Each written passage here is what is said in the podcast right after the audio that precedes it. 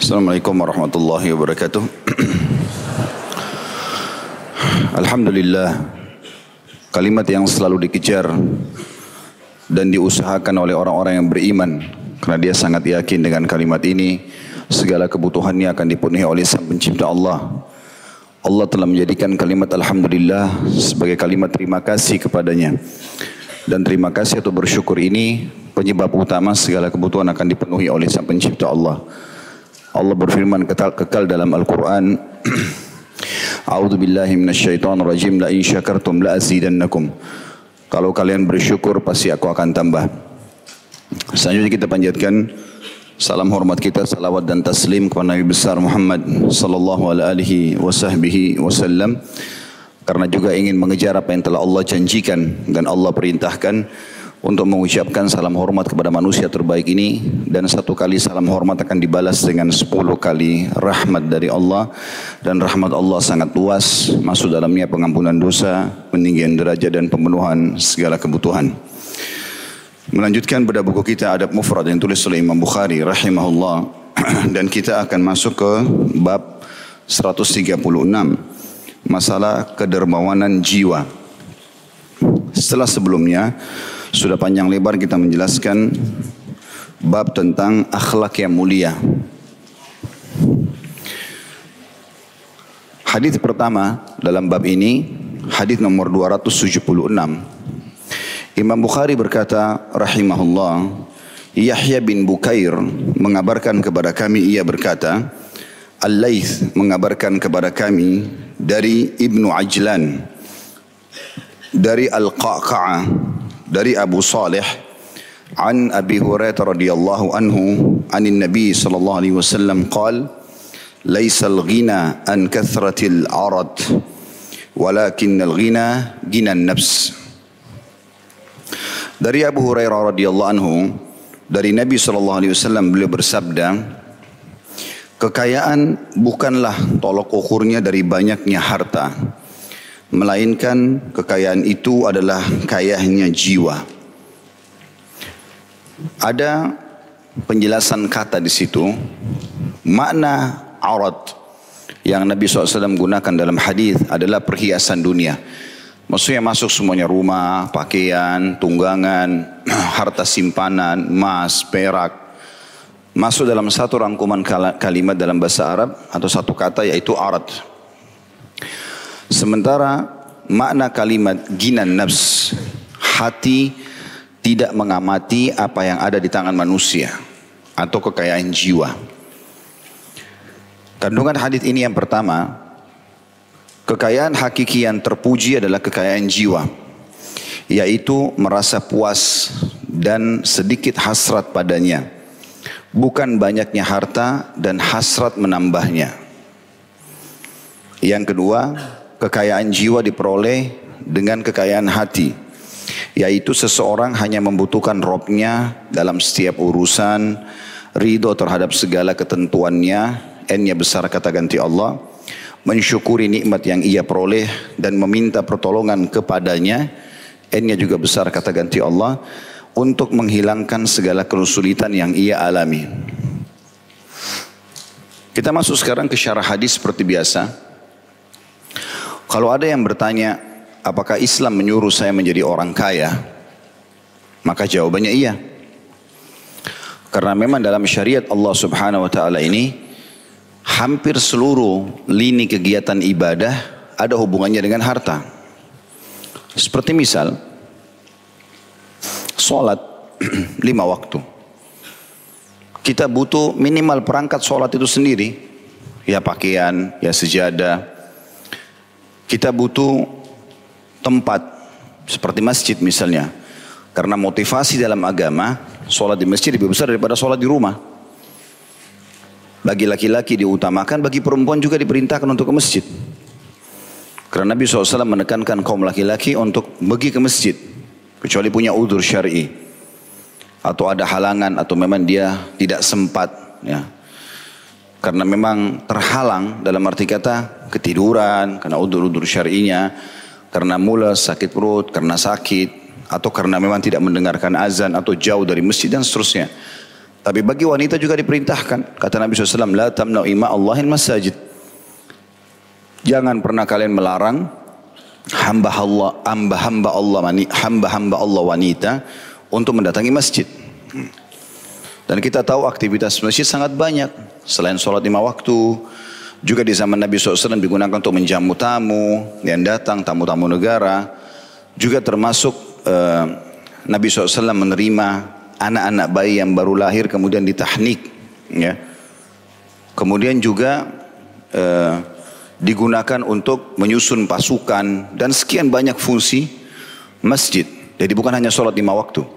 Nah sekarang untuk punya masjid kita butuh harta. Nggak mungkin tidak. Gitu. Kita sekarang misalnya di sini sholat di masjid ini. Maka kalau azan misalnya sebentar duhur kita sholat semuanya. Kita dapat pahala masing-masing. Imam juga dapat pahala karena mengimami makmumnya. Muadzin mendapatkan pahala semuanya karena dia yang panggil hayya ala sholah, hayya ala falah. Ayo menuju sholat, ayo menuju kepada kemenangan. Tetapi ada orang yang mungkin tidak hadir di sini.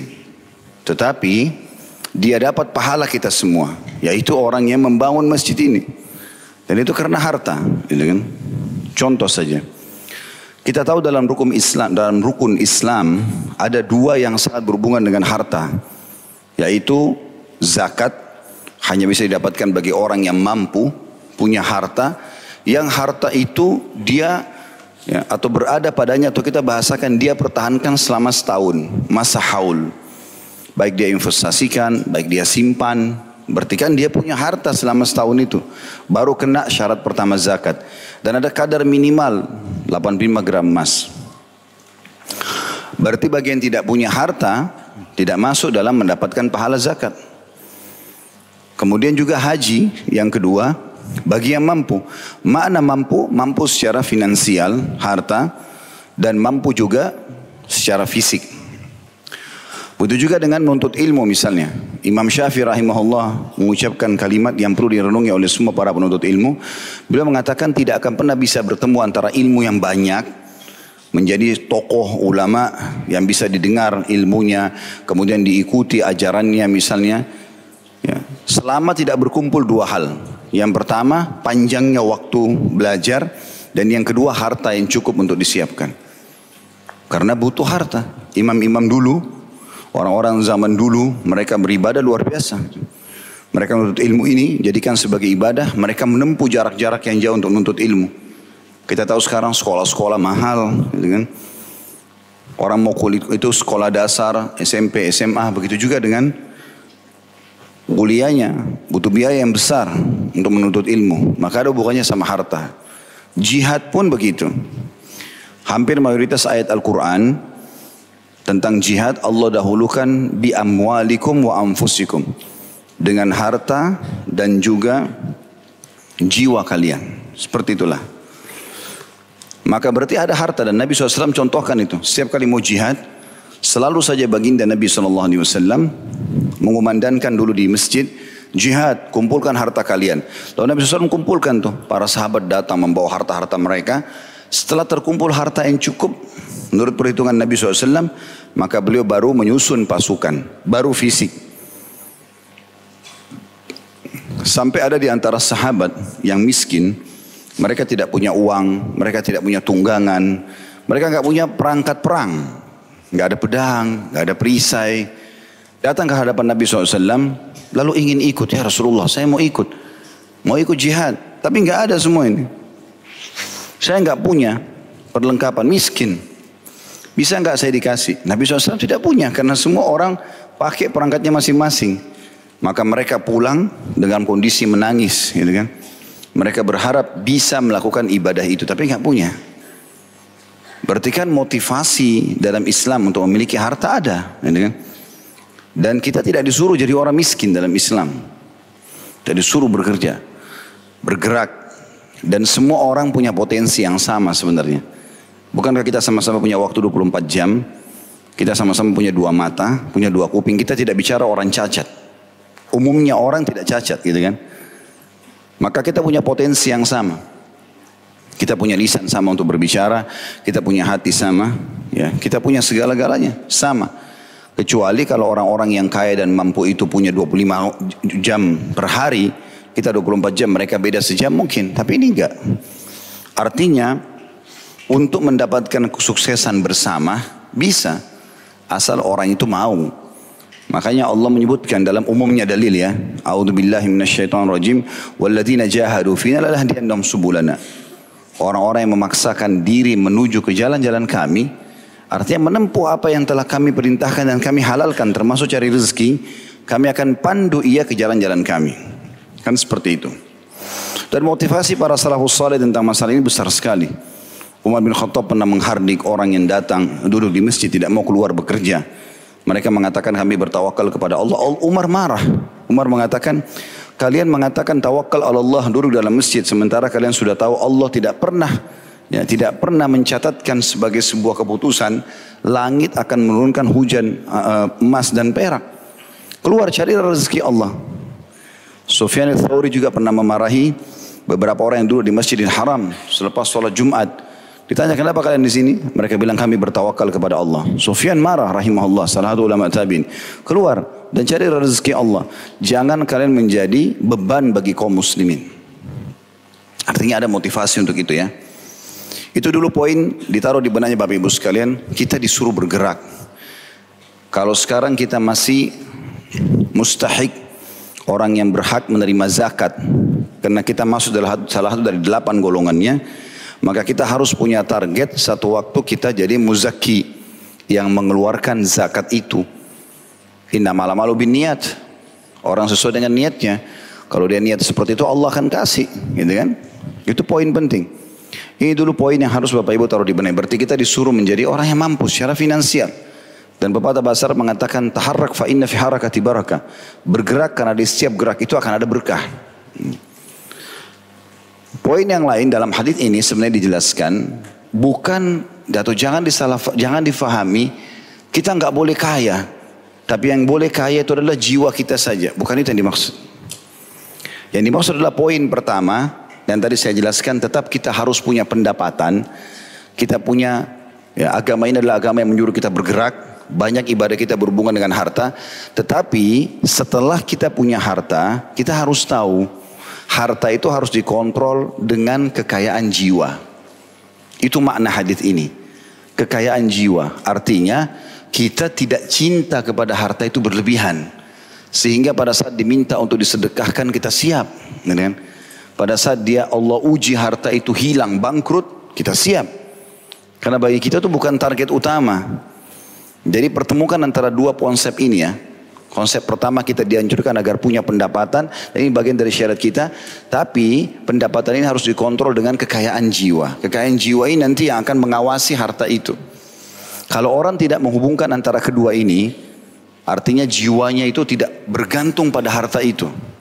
Datang dikeluarin sama dia. Saya kasih contoh-contoh banyak di antaranya. Pernah saya sebutkan, sebutkan itu ya. Abdurrahman ibn Auf radhiyallahu anhu itu pernah kedatangan keuntungan satu peti emas. Dan tidak pernah dia untung sebanyak itu sebelumnya. Dia gelisah, nggak bisa tidur.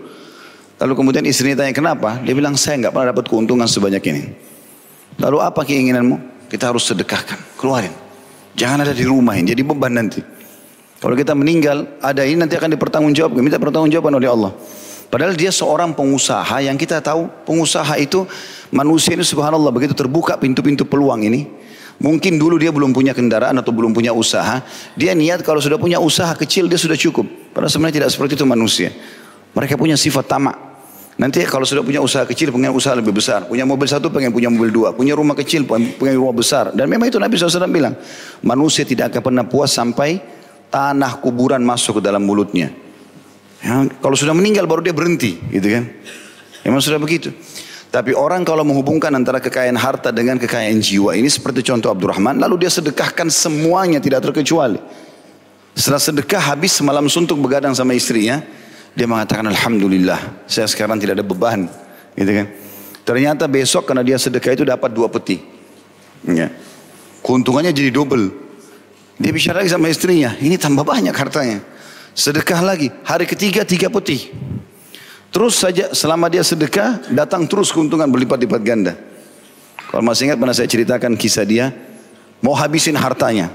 Takut hisapnya berat hari kiamat karena terlalu banyak. Dia udah nggak bisa hitung lagi hartanya radhiyallahu anhu. Sampai kata Nabi SAW kalau Abdurrahman genggam tanah lalu dia jual laku karena cerdasnya dalam berdagang gitu. Dia genggam tanah dia bisa jual tanah itu, gitu kan? Maka yang terjadi Abdurrahman takut ada hisap hari kiamat. Dia mau habisin hartanya. Tapi dia mau hubungkan antara mengeluarkan harta itu dengan membantu orang supaya tidak sia-sia. Bukan hanya sekedar buang begitu saja. Kayak orang misalnya bakar uangnya atau pakai foya-foya pada hal yang haram. Enggak. Dia cari siapa orang muslim di Madinah yang hasil panen kurmanya jelek. Cari keliling dapat satu satu kebun kurma besar, semua hasil satu kebun jelek, dibeli sama dia. Mau jual berapa? Orang itu cuma iseng sebut harga dibayar sama Abdurrahman. Tujuannya hanya habisin uang. Sekaligus bantu. Udah dikumpulin semua kurma-kurma jelek itu sama dia. Dan dia buat iklan, siapa yang mau silakan ambil gratis. Orang yang punya kebun sudah untung, sekarang kurma ditumpuk sama dia, jadi hartanya sekarang berubah jadi kurma. Siapa yang mau ambil gratis silakan. Selain bantu itu juga bantu orang yang butuh ini. Rupanya karena kurmanya kurang kurang bagus, orang nggak ada yang mau ambil. Walaupun dia mau sedekahkan. Abdurrahman tenang saja karena dia sudah selesaikan hartanya. Rupanya di Yaman tersebar penyakit. Dengan hikmah Allah SWT. Dan penyakit itu hanya bisa diobati dengan kurma jelek. Sampai utusan orang Yaman datang ke Madinah. Siapa yang pernah punya kurma seperti ini? Jelek gitu. Gak jadi kurmanya. Ada yang rusak-rusak kering-kering. Mereka tahunya Abdurrahman. Buka malah gratis gitu. Orang-orang ini bilang enggak kita nggak mau gratis. Mau bayar. Maka mereka membeli dari Abdurrahman untung lagi. Double dari uang yang dia keluarkan. Maka Abdurrahman senyum mengatakan apa boleh buat sudah. Hmm. Berarti memang sudah harus begini. Gitu. Tetapi di sini teman-teman, kita bisa lihat bagaimana dia tidak menjadikan harta sebagai target utamanya. Salah satu orang yang tidak punya, contoh saja orang yang tidak punya kekayaan jiwa ini, begitu punya harta, disimpan dan tidak boleh orang lain tahu, gitu kan? Bahkan selalu dibersihkan, ya dirawat berlebih-lebihan. Untuk apa semua ini? Akhirnya tidak ada kekayaan jiwa. Itu kalau contoh aja ya orang seperti ini kalau hilang satu produknya dia, satu walaupun kecil sudah buat tidak tidur berapa hari. Nah, dia kepikiran. Tapi kalau orang-orang yang punya kekayaan jiwa, walaupun mahal produk itu, dia bisa sedekahkan kepada orang lain. Dia bisa berbagi. Walaupun dia butuh, dia kasih orang lain. Itu sikap para sahabat.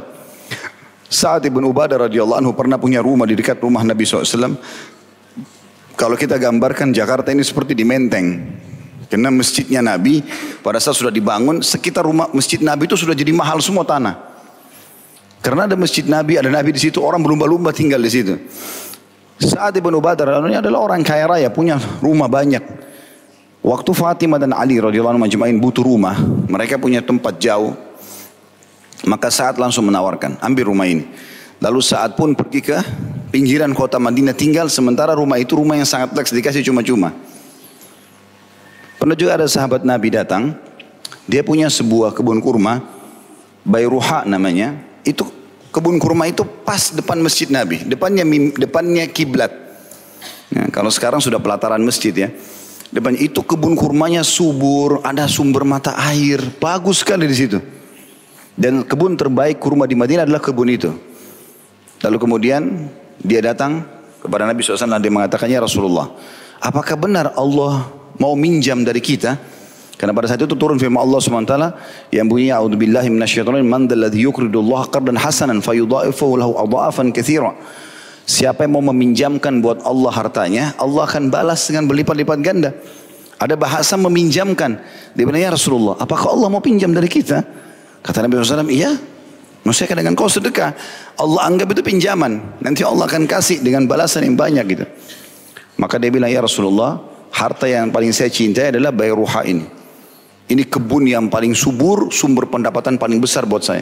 Saya jadikan pinjamkan untuk Allah. Dia kasih, dia sedekah gitu.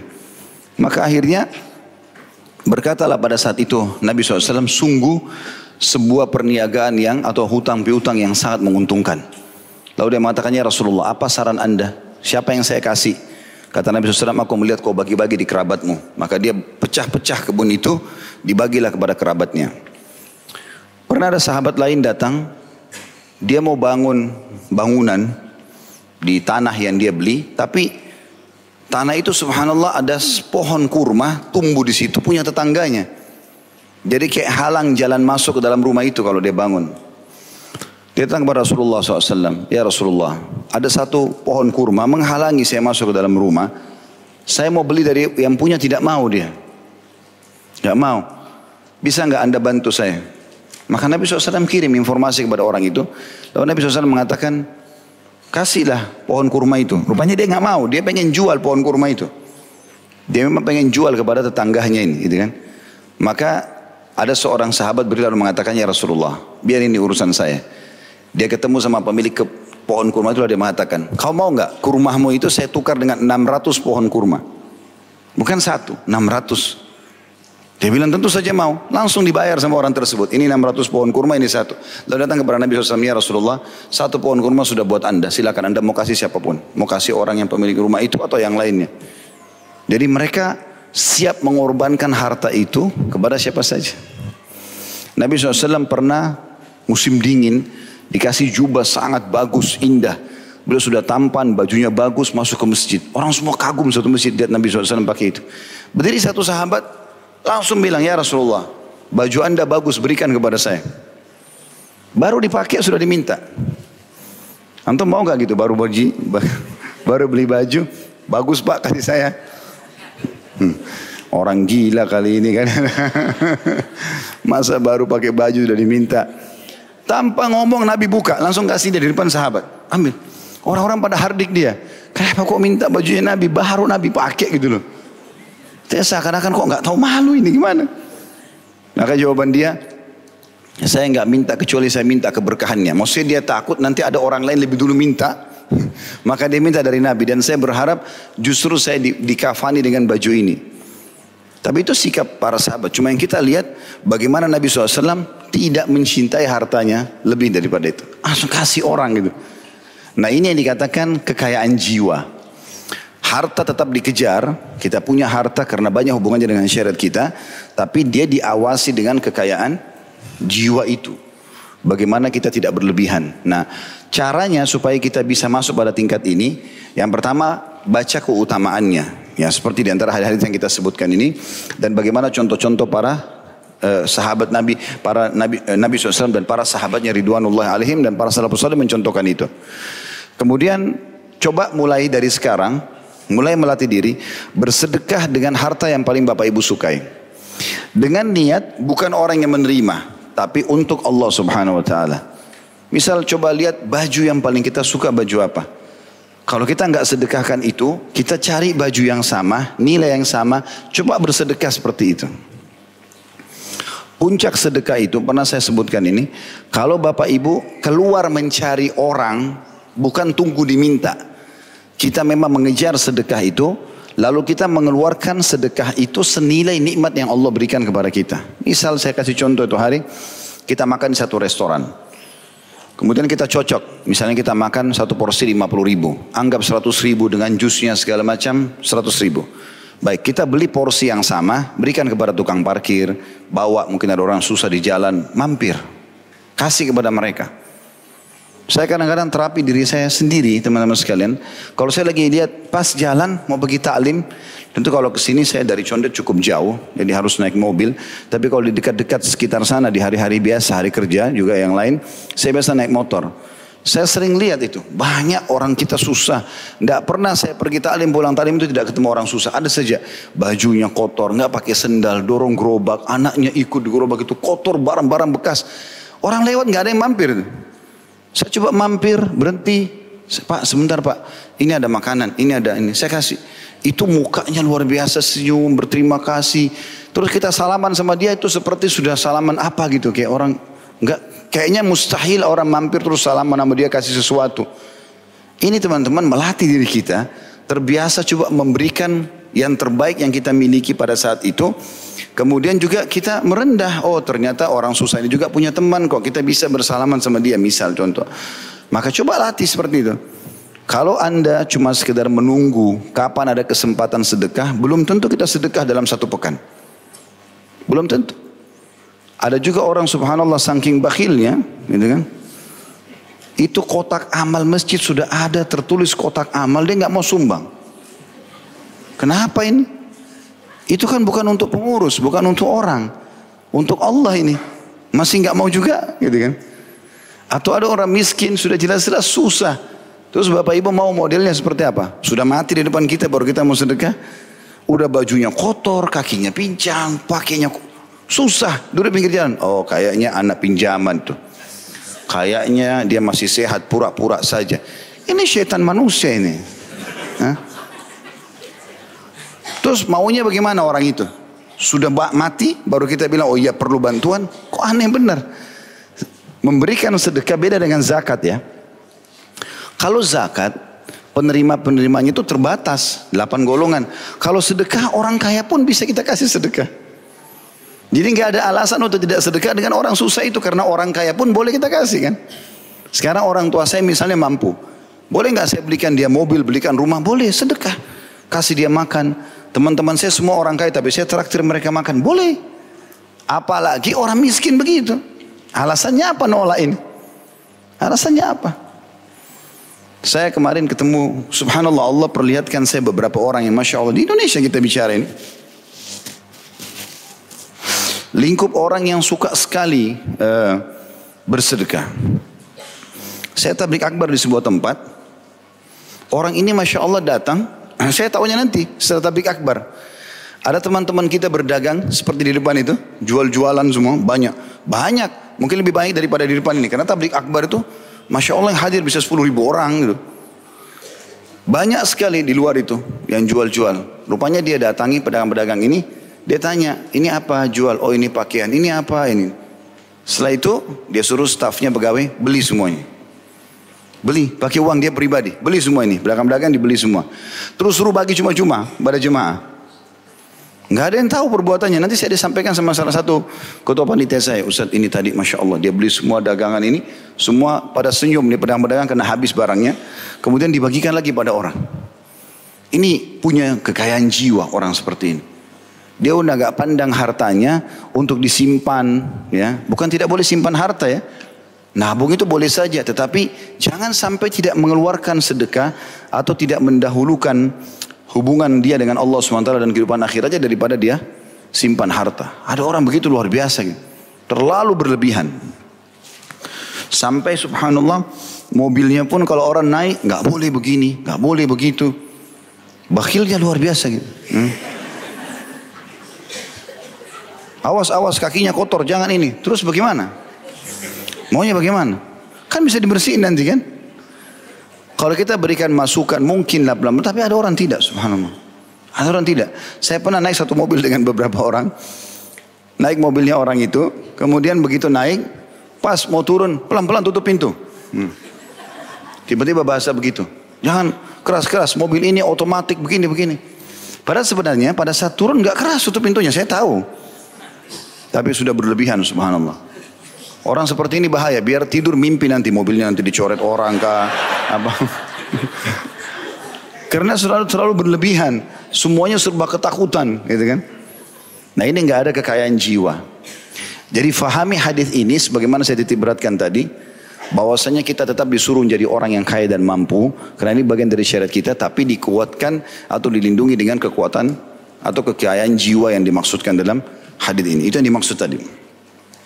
Makanya Nabi SAW membahasakan laisal gina an kathratil art. Bukanlah kekayaan itu dinilai dari banyaknya harta. Berarti kita tetap boleh punya harta. Tapi tolok ukurnya orang itu kaya yang sebenarnya bukan karena banyak hartanya secara fisik. Tetapi dia punya harta itu diawasi dengan walakin gina gina nafs. Tetapi kekayaan itu dinilai orang ini kaya raya kalau dia bisa menyatukan antara harta yang secara fisik tadi dengan kekayaan jiwanya. Kekayaan jiwanya. Tentu orang miskin juga teman-teman. banyak Masya Allah orang-orang miskin yang punya kekayaan jiwa.